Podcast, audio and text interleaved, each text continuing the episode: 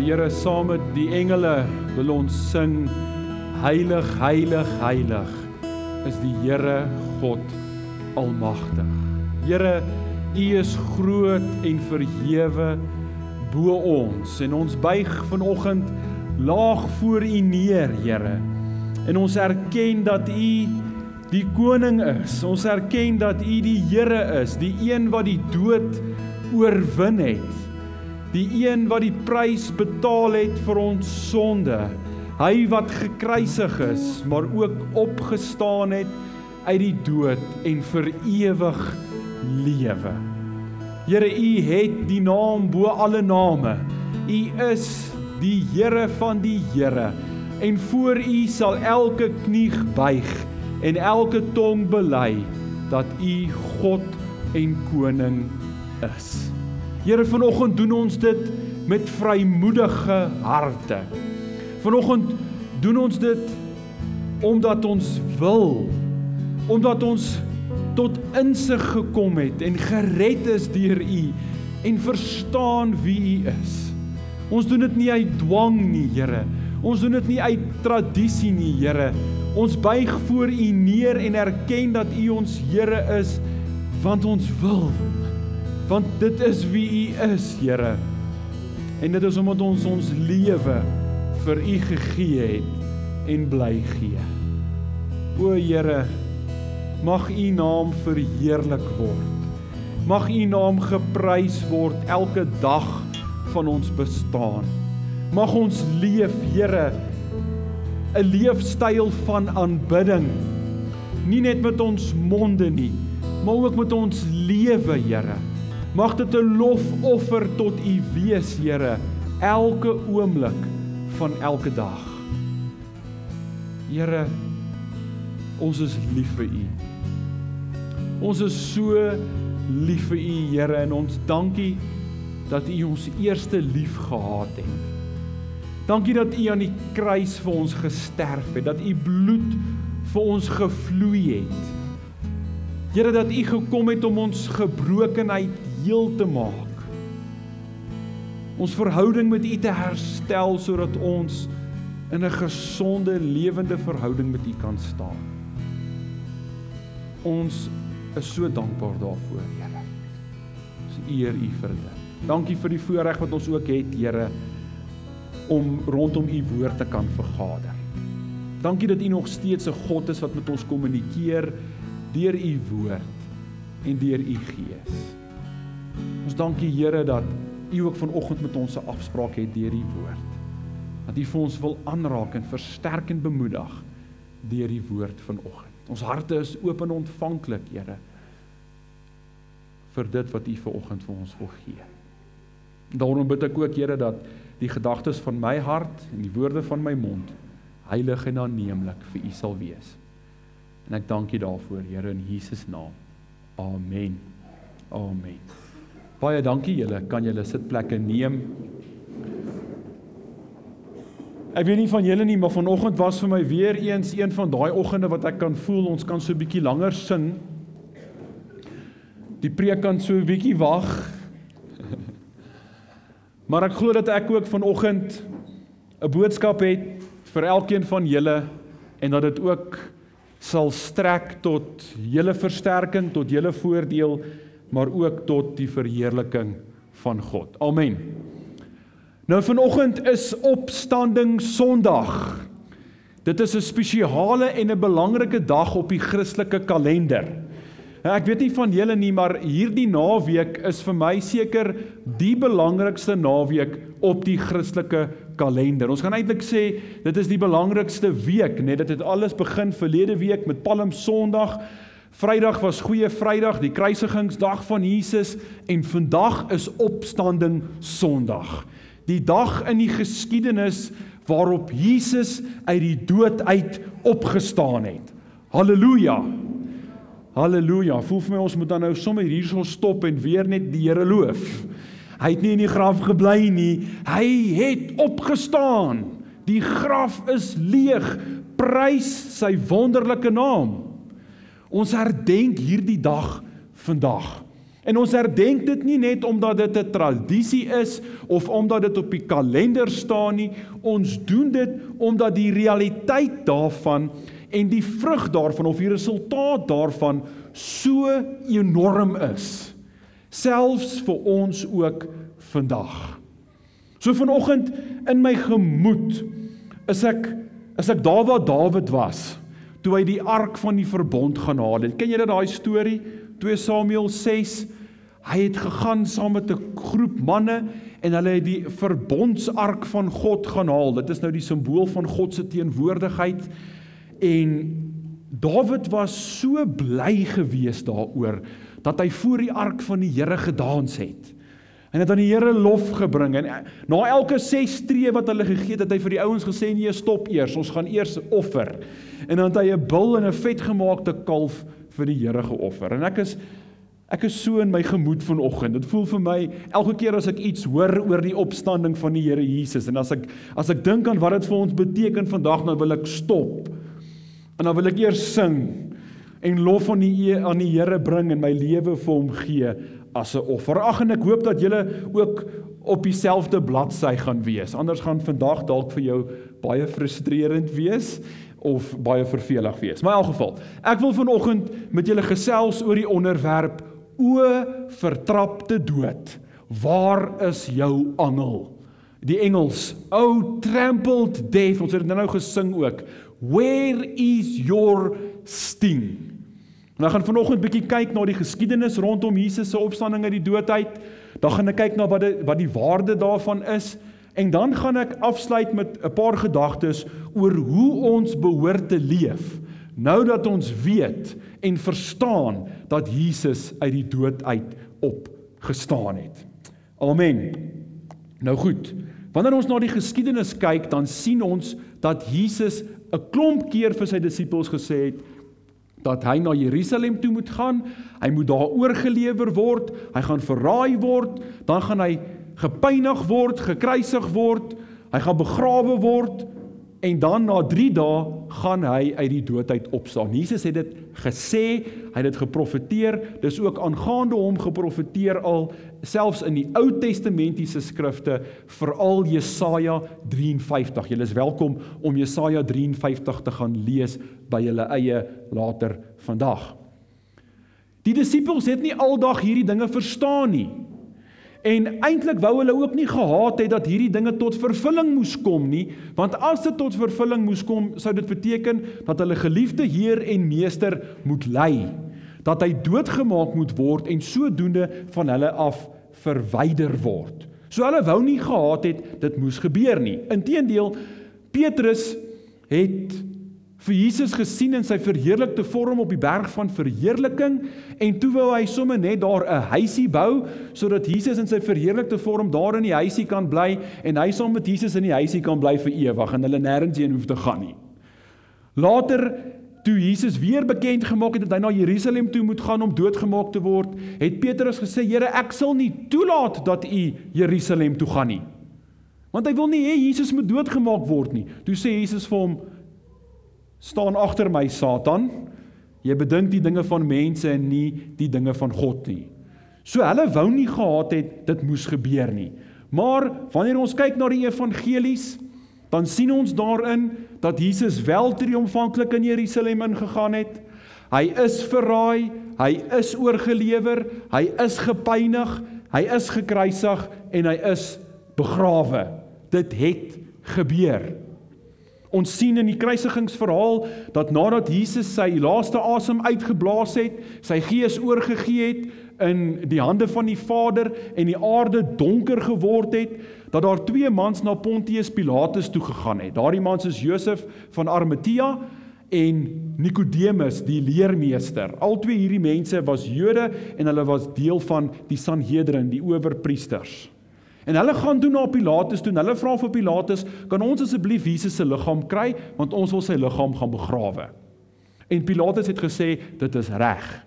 Hulle het toe sy liggaam van die kruis afgehaal en hulle het hom op 'n waardige wyse begrawe en volgens die Joodse kulturele gebruike van daardie tyd.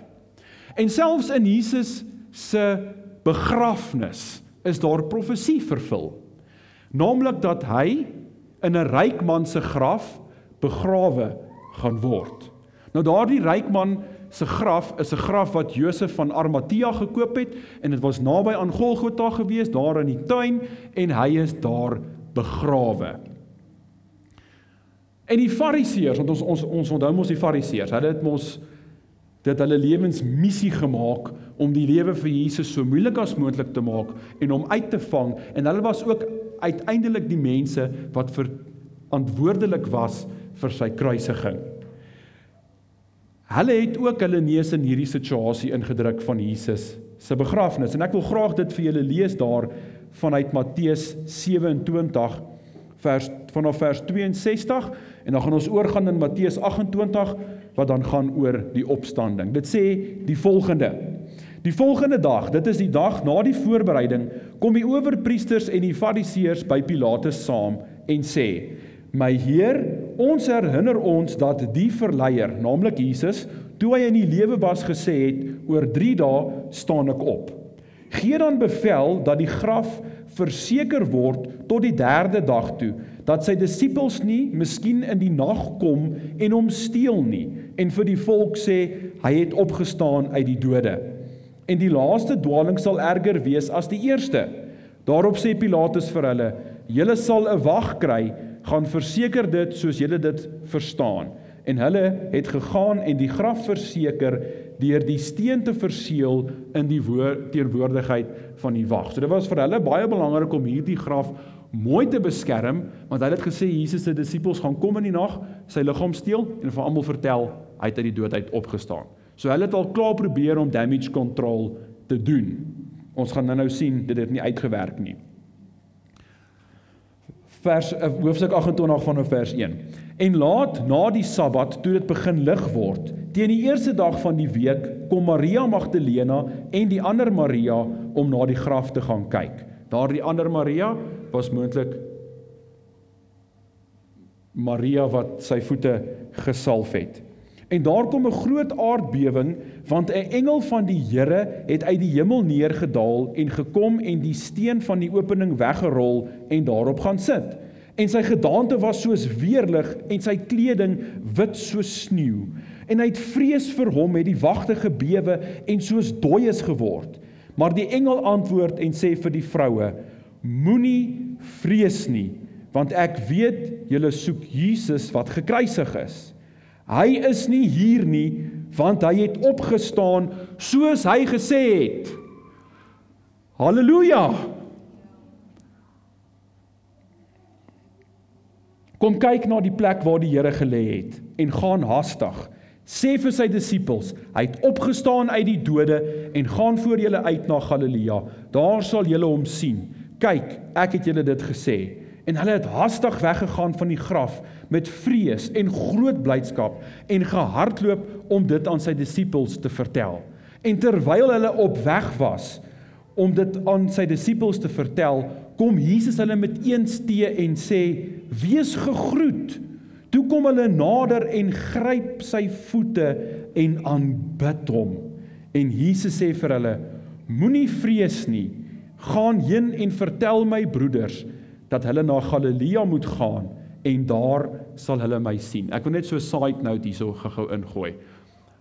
Jy as vrou is dit nie wonderlik om te weet dat Jesus eers aan vrouens verskyn het nie. En vir die vrouens gesê het gaan vertel. As jy ooit gevoel het dat jy glad nie 'n rol het om te vervul nie en dat daar nie 'n plek vir jou is nie en 'n plek vir jou in die Bybel is nie. Raai wat? Jesus het gekies om eerste te verskyn aan vrouens. En om vir hulle te sê gaan vertel. Dis wonderlik, is kosbaar. Vrouens het ook 'n plek in die Bybel en in ons lewenstelsel. Vers 11. En terwyl hulle op weg was, kom daar sommige van die wag in die stad en vertel die owerpriesters alles wat gebeur het. En nadat hulle saam met die ouderlinge vergader en raad gehou het, het hulle die soldate baie geld gegee en gesê: "Julle moet sê, sy disippels het in die nag gekom en hom gesteel terwyl ons aan die slaap was. En as dit by die goewerneur gehoor word, sal ons hom tevrede stel en maak dat julle sonder sorg is. Hulle het toe die geld geneem en gedoen soos hulle geleer was en hierdie verhaal is versprei onder die Jode tot vandag toe. Die klomp skelms, nê? Nee? Vanaf vers 16 en ek maak klaar met hierdie hoofstuk. En die 11 disippels het na Galilea gegaan, na die berg waar Jesus hulle bestel het. En toe hulle hom sien, het hulle hom aanbid. Maar sommige het getwyfel. En Jesus het nader gekom met hulle gespreek en gesê: "Aan my is gegee alle mag in die hemel en op aarde. Gaan dan heen, maak disippels van al die nasies en doop hulle in die naam van die Vader, die Seun en die Heilige Gees en leer hulle om alles te onderhou wat ek julle beveel het. En kyk, ek is met julle al die dae tot aan die volëindiging van die wêreld. Amen. Amen. Wonderlike dinge wat hier gebeur het. Ons kan ons kan hierin sien dat die opstanding van Jesus 'n realiteit is, dat dit 'n werklikheid is. En nou is die vraag, watter waarde het dit vir ons vandag? Wat beteken dit vir ons in vandag se konteks? Watter relevantie het dit? Nou ek is seker as ons nou hierdie dinge gaan kyk, gaan ons sien dat dit groot waarde het. En ek wil 'n paar van die dinge uitlig. In die eerste plek, ons kan hierin sien dat Jesus werklik die seun van God is. Die opstanding uit die dode bevestig Jesus se godskap. Dit bevestig dat hy geloofwaardig is. Ons kan hom glo. Ons kan glo wat hy vir ons sê. Ons kan glo wat hy vir ons beloof, want hy is 'n waarmaker van sy woord. Hy het gesê hy gaan dit doen en toe het hy dit gedoen. So ons het nie nodig om te twyfel nie. Ons hoef nie deur hierdie lewe te gaan en te wonder, gaan God doen wat hy gesê het hy gaan doen nie. Hy sal dit doen. Sy woord is ja en amen. Hy is 'n waarmaker van sy woord. Wonderlik. Wonderlik, wat 'n wonderlike waarheid. God se beloftes vir my en jou is ja en amen. Dan Paulus sê dit so mooi en so reg in 1 Korintiërs 15. Hy sê as dit nie was vir die opstanding nie, was daar eintlik geen gronde vir ons geloof nie. Ons kan eintlik maar ophou glo. As Jesus nie uit die dood uit opgestaan het nie, is daar geen bestaansreg vir Christendom nie. Maar hy het uit die dood uit opgestaan. En daarom het ons geloof bestaansreg. Ons kan sê ons is Christene en ons kan sê ons verkondig die waarheid en ons glo in die waarheid want Jesus het uit die dood uit opgestaan gestaan. Dit gee vir ons substansie. Dit gee vir ons stof vir ons aanbidding. Ons het rede om te aanbid. Ons het iets om te aanbid. Dit wat ons aanbid is nie dood nie. Halleluja. Dis nie 'n beeltjie nie. Dis 'n lewende, werklike God. Ons God leef. En ek is die enigste een wat opgewonde is daaroor.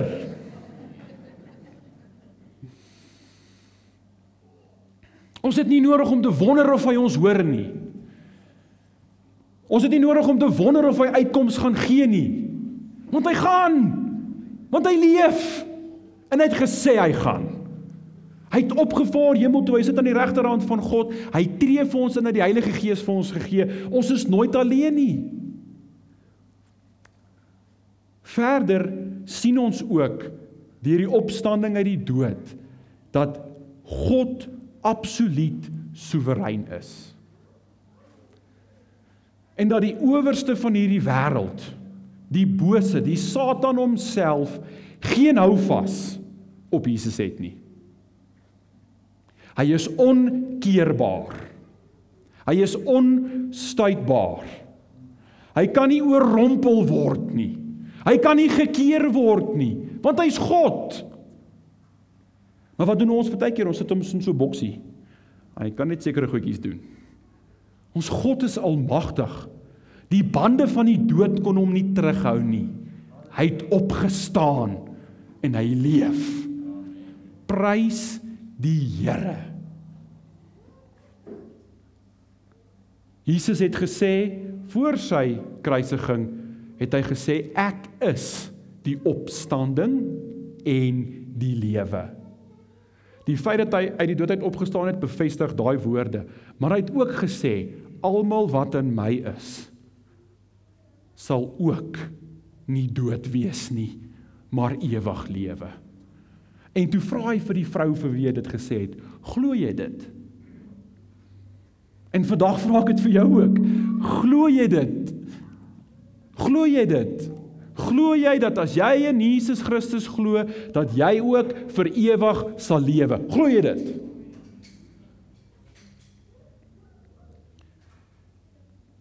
Paulus skryf in Romeine 8 vers 11 as die gees van hom wat Christus uit die dood uit opgewek het in ons woon, dan sal ons vir ewig lewe.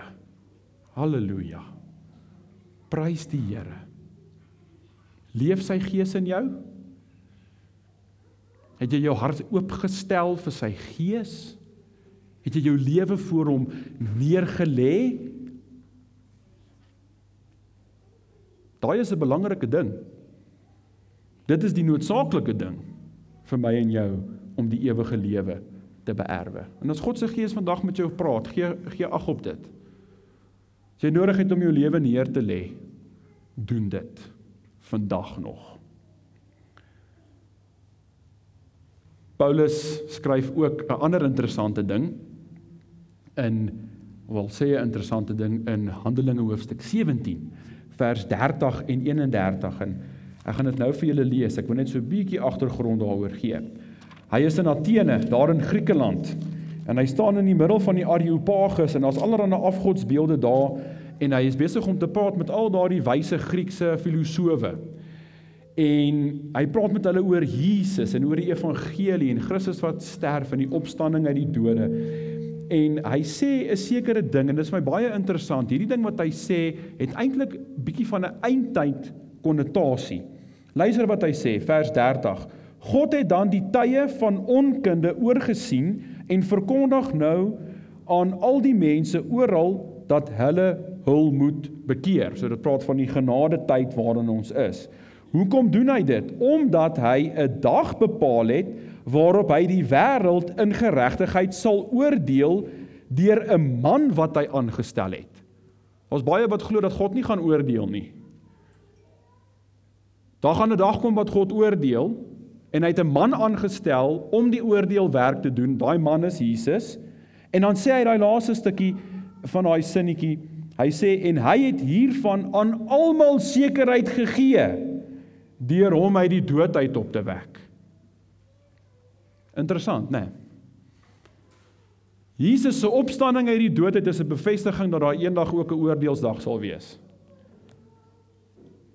En ons moet seker maak ons is aan die regte kant.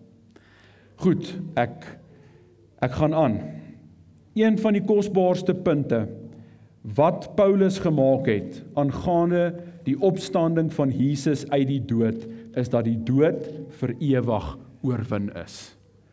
Die dood is vir ewig oorwin. Ek lees vir julle in Romeine 6 vanaf vers 4. Paulus sê: "Ons is dus saam met hom begrawe deur die doop in die dood, sodat net soos Christus uit die dode opgewek is deur die heerlikheid van die Vader, ons ook so in 'n nuwe lewe kan wandel."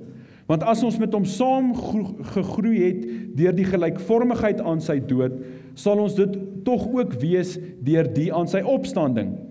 Aangesien ons dit weet dat ons oue mens saamgekruisig is sodat die liggaam van die sonde tot niet gemaak sou word en ons nie meer die sonde sou dien nie. Wat 'n wonderlike ding. Ons is vrygemaak van die sonde. Want hy wat gesterf het is geregverdig van die sonde. As ons dan saam met Christus gesterf het, glo ons dat ons ook saam met hom sal lewe Omdat ons weet dat Christus nadat hy opgewek is uit die dode nie meer sterf nie, die dood heers oor hom nie meer nie. Want die dood wat hy gesterf het, het hy vir die sonde eens en vir altyd gesterwe, maar die lewe wat hy leef, leef hy vir God. So moet julle ook reken dat julle wel vir die sonde dood is, maar lewend is vir God in Christus Jesus, ons Here. Laat die sonde dan in julle sterflike liggaam nie heers dat julle aan sy begeerlikhede gehoorsaam sou wees nie. En moenie julle lede stel tot beskikking van die sonde as werktuie van ongeregtigheid nie maar stel julleself tot beskikking van God as mense wat uit die dode lewend geword het en julle lede as werktuie van geregtigheid in diens van God. Het jy al gesterf in jouself Het jy al jou eie wil eenkant gelê en die sonde en sy begeerlikhede eenkant gelê sodat jy vir God kan leef en hom dien? Vers 14: Want die sonde sal oor julle nie heers nie, want julle is nie onder die wet nie, maar onder die genade. Halleluja. Moet ek mic change? Dankie. Iets gesê. Dankie.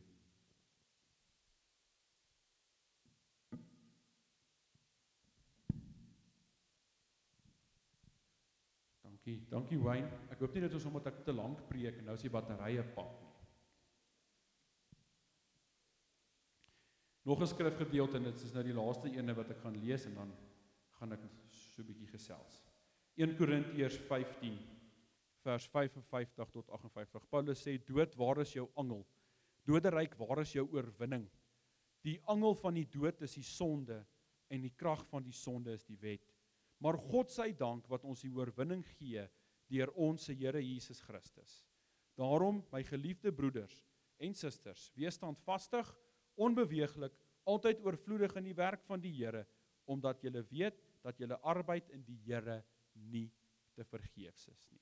Nou ek is seker al hierdie skrifgedeeltes wys vir ons uit die waarde van Jesus se opstanding uit die dood uit. Hierdie skrifgedeeltes help ons ook om die vraag te beantwoord hoe moet ons leef? En ek wil graag nou so drie gedagtes daaromtrent deel en dan is ek klaar. Hoe moet ons leef nou dat ons weet Jesus het uit die dood uit opgestaan? Hoe is ons veronderstel om te dink? Hoe is ons veronderstel om elke dag en elke situasie aan te pak? Nommer 1. Omdat Jesus uit die dood uit opgestaan het, kan ons in oorwinning leef en as ons veronderstel om in oorwinning te leef vreesloos en met hoop. Dis hoe ons moet leef. Dis nommer 1. In oorwinning sonder vrees en met hoop. Omdat hy leef, sien 'n kans vir môre. Ons almal ken daai liedjie, nê? Nee. Omdat hy leef, sien 'n kans vir môre.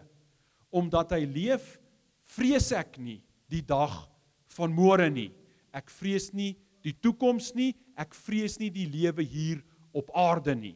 Omdat hy leef, het ek hoop. Hoop vir hierdie lewe en ook hoop vir die toekomstige lewe. Ek leef met hoop.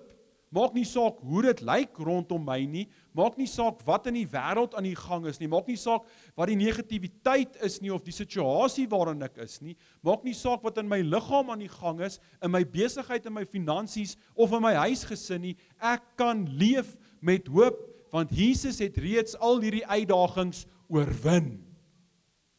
Halleluja. Ek kan leef met hoop, ek kan leef in oorwinning. Oorwinning oor die dood. En saam met Paulus en saam met die ander kinders van die Here kan ek sê, dood, waar is jou angel? O vertrapte dood, platgetrapte dood deur Jesus Christus. Waar is jou angel? Wat kan jy aan my doen? Ons het nie meer nodig om te leef geïntimideer deur alles wat rondom ons aan die aan die aan die gang is nie. Ek dink aan Dawid wat sê met my God loop ek 'n bende storm, met my God spring ek bo 'n muur. Ons kan met daardie gesindheid leef as gevolg van die oorwinning wat Jesus vir ons behaal het deur uit die dood uit op te staan. Kan ons hom prys daarvoor? Here, dankie dat ons in oorwinning kan leef. Ons het nie nodig om in hierdie doodsheid te wees nie, want U het vir ons lewe gegee. U het die mag van die dood gebreek. U het die mag van sonde gebreek oor ons lewe. En nou kan ons lewe en lewe in oorvloed beleef. En dit bring my by nommer 2. Omdat Jesus opgestaan het, leef ons met dankbaarheid en ons leef aanbiddend. Ons leef met dankbaarheid en ons leef aanbiddend. Ons is dankbaar vir wat hy vir ons gedoen het en ons aanbid hom daarvoor. Weet julle wat nê? Nee? Dis vir my so wonderlik wat Jesus kom doen het. Kom ons dink aan die nagmaal. Kom ons dink aan die kruisiging. Ons dink aan daai brood wat gebreek is, nê? Nee? So is Jesus se liggaam vir ons gebreek. Ons dink aan sy bloed wat gevloei het. Ons dink aan daai sap wat hy uitgegooi het. Ons drink ons dink aan 'n 'n dryf wat gepars is in die sap loop. So is Jesus vir ons gebreek. Hoekom? Sodat ons gebrokenheid heel gemaak kan word. Jo, dis mooi. Dis beautiful. Die dood kon hom nie terughou nie en daarom kan ek en jy 'n oorwinningslewe leef. Ons kan sy vrede beleef. Ons kan sy shalom beleef. En as ons dink aan shalom, ons weet dit beteken vrede, maar dit is eintlik vrede wat kom as gevolg van heelheid.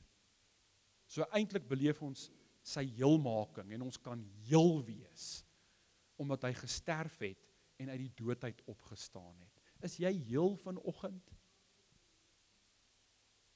Het jy vrede? God wil dit vir jou gee. Leef in dit.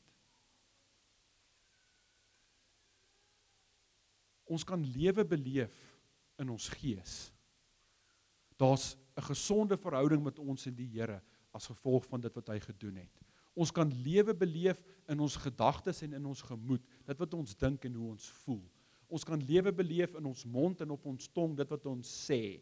En ons kan lewe beleef en gesondheid en heelheid beleef in die verhoudinge wat ons het met mense en ook ons verhouding met onsself. Jesus het al daardie dinge vir ons bewerkstellig en ons prys hom daarvoor. Die derde ding.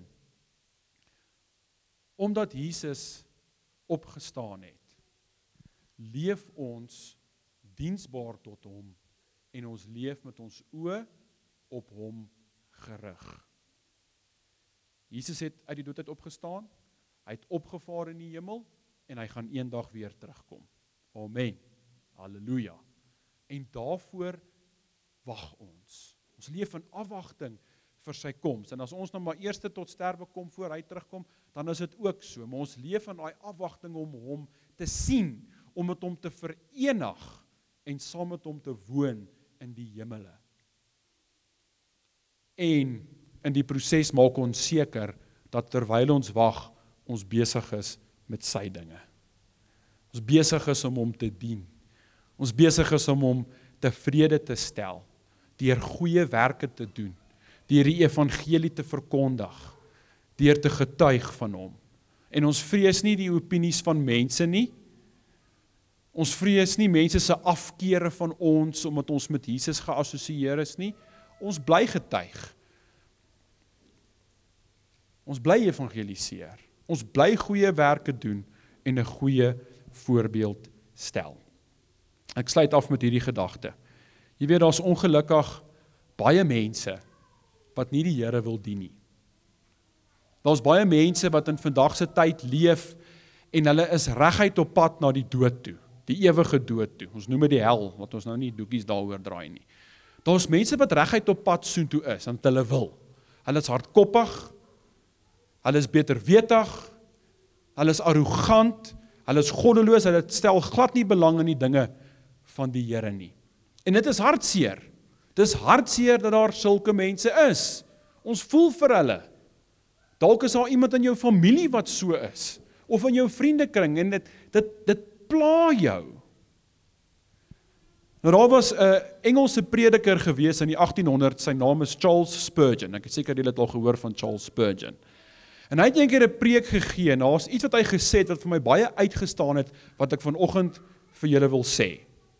Hy het gesê ons as Christene moet as ware die mense wees waaroor die goddelose struikel en val op pad hel toe. Soos wat ons vir hulle preek. Soos wat ons hulle probeer keer deur ons prediking, ons getuienis, ons goeie dade teenoor hulle, ons gebede vir hulle. Ons moet 'n poging aanwend om hulle te keer. Maar jy weet wat?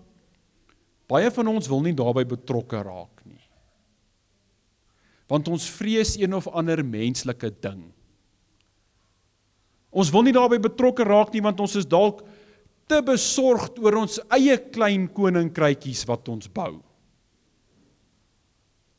Ons is soos leeu's waarvan die tande getrek is en die naels geknip is. Ons is so stoomtreine waarvan die engine kamer yskoud is en niks wil beweeg nie. Ons is soos kragtige perde wat die vermoë het om ver en vinnig te hardloop, maar ons is aan 'n paal vasgeketting. Ons doen dit nie. Ons raak nie betrokke by die werk van die Here nie.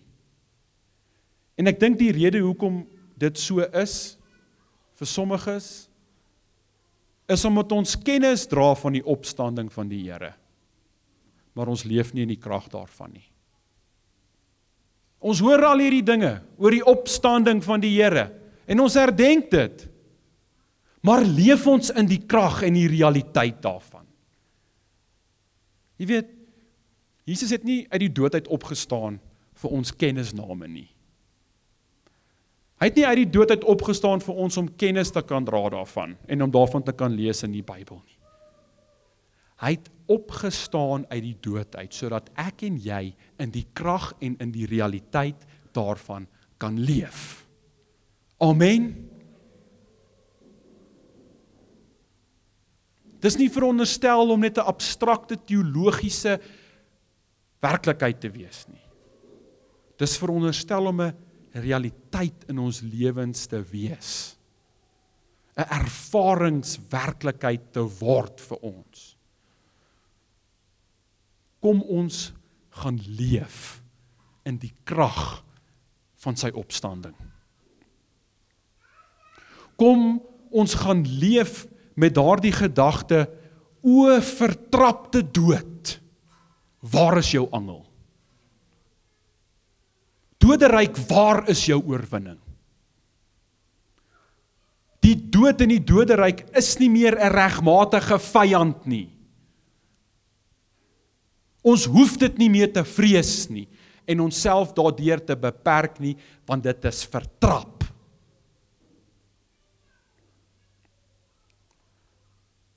Ons moet daai vuur hier binne in ons hê. En ons moet dit gaan uitleef. Want Jesus het dit vir ons moontlik gemaak. Paulus sê die hele wêreld, die hele skepping smag met reikhalsende verlange na die openbarmaking van die seuns en die dogters van God. Maar wat doen ons? Ons sit 'n emmer op die lampie. Want ons is bang vir mense. Wat kan mense aan ons doen? Hulle kan ons maar net doodmaak. Dis die ergste wat hulle kan doen. Maar as ons waarlik kinders van die Here is, dan sal ons nie die dood vrees nie. Dan kan hulle ons maar doodmaak. Paulus sê die dood is dan vir my 'n wins want ek kry vir Jesus. Maar wat doen ons? Ons beperk onsself. Want nou nou sê hulle net ietsie slegs van my. Nou nou verloor ek my werk. Maar sal God nie dan vir jou bly sorg nie? Ons is so bereid om ons getuienis in te hou want ons is bang vir mense en die ergste wat hulle kan doen is om ons dood te maak. Kom ons gaan hier uit en gaan leef ons wêreld onverskrokke raak met die liefde en die krag en die goeie nuus van Jesus. Kom ons breek daai ketting van die perd en laat hom hardloop. Kom ons kry daai engine kamer warm. Laat daai trein kan loop. Kom ons brul. Soos leeu's. En gaan maak 'n verskil daar waar ons leef omdat ons leef en bedien met die opstandingskrag van Jesus Christus. Amen. Amen. Ek ek is klaar. Kom ons bid. Hemelvader, ons dankie vir u woord. Ons dankie vir u gees. Ons dankie vir die opstandingskrag wat u vir ons gee. Dankie dat u die dood vir ons oorwin het. Dat u vir ons u gees gee ons bekragtig, ons die vermoë gee om u getuies te kan wees hier op aarde. Here, ons het vanoggend gehoor en my gebed is Here dat ons werklik waar nie net kennis sal dra van u opstanding nie, maar dat ons sal lewe en beweeg en bedien deur die opstandingskrag van Jesus Christus. Dankie dat ons nie meer die dood hoef te vrees nie dat ons nie meer daardeur geïntimideer hoef te word nie, maar dat ons kan uitroep, uitskree en verklaar die dood is oorwin. O dood, waar is jou angel? O doderyk, waar is jou oorwinning? Dankie dat U vir ons daardie oorwinning gegee het en dat ons daardeur kan lewe. Ons eer U daarvoor in Jesus naam. Amen.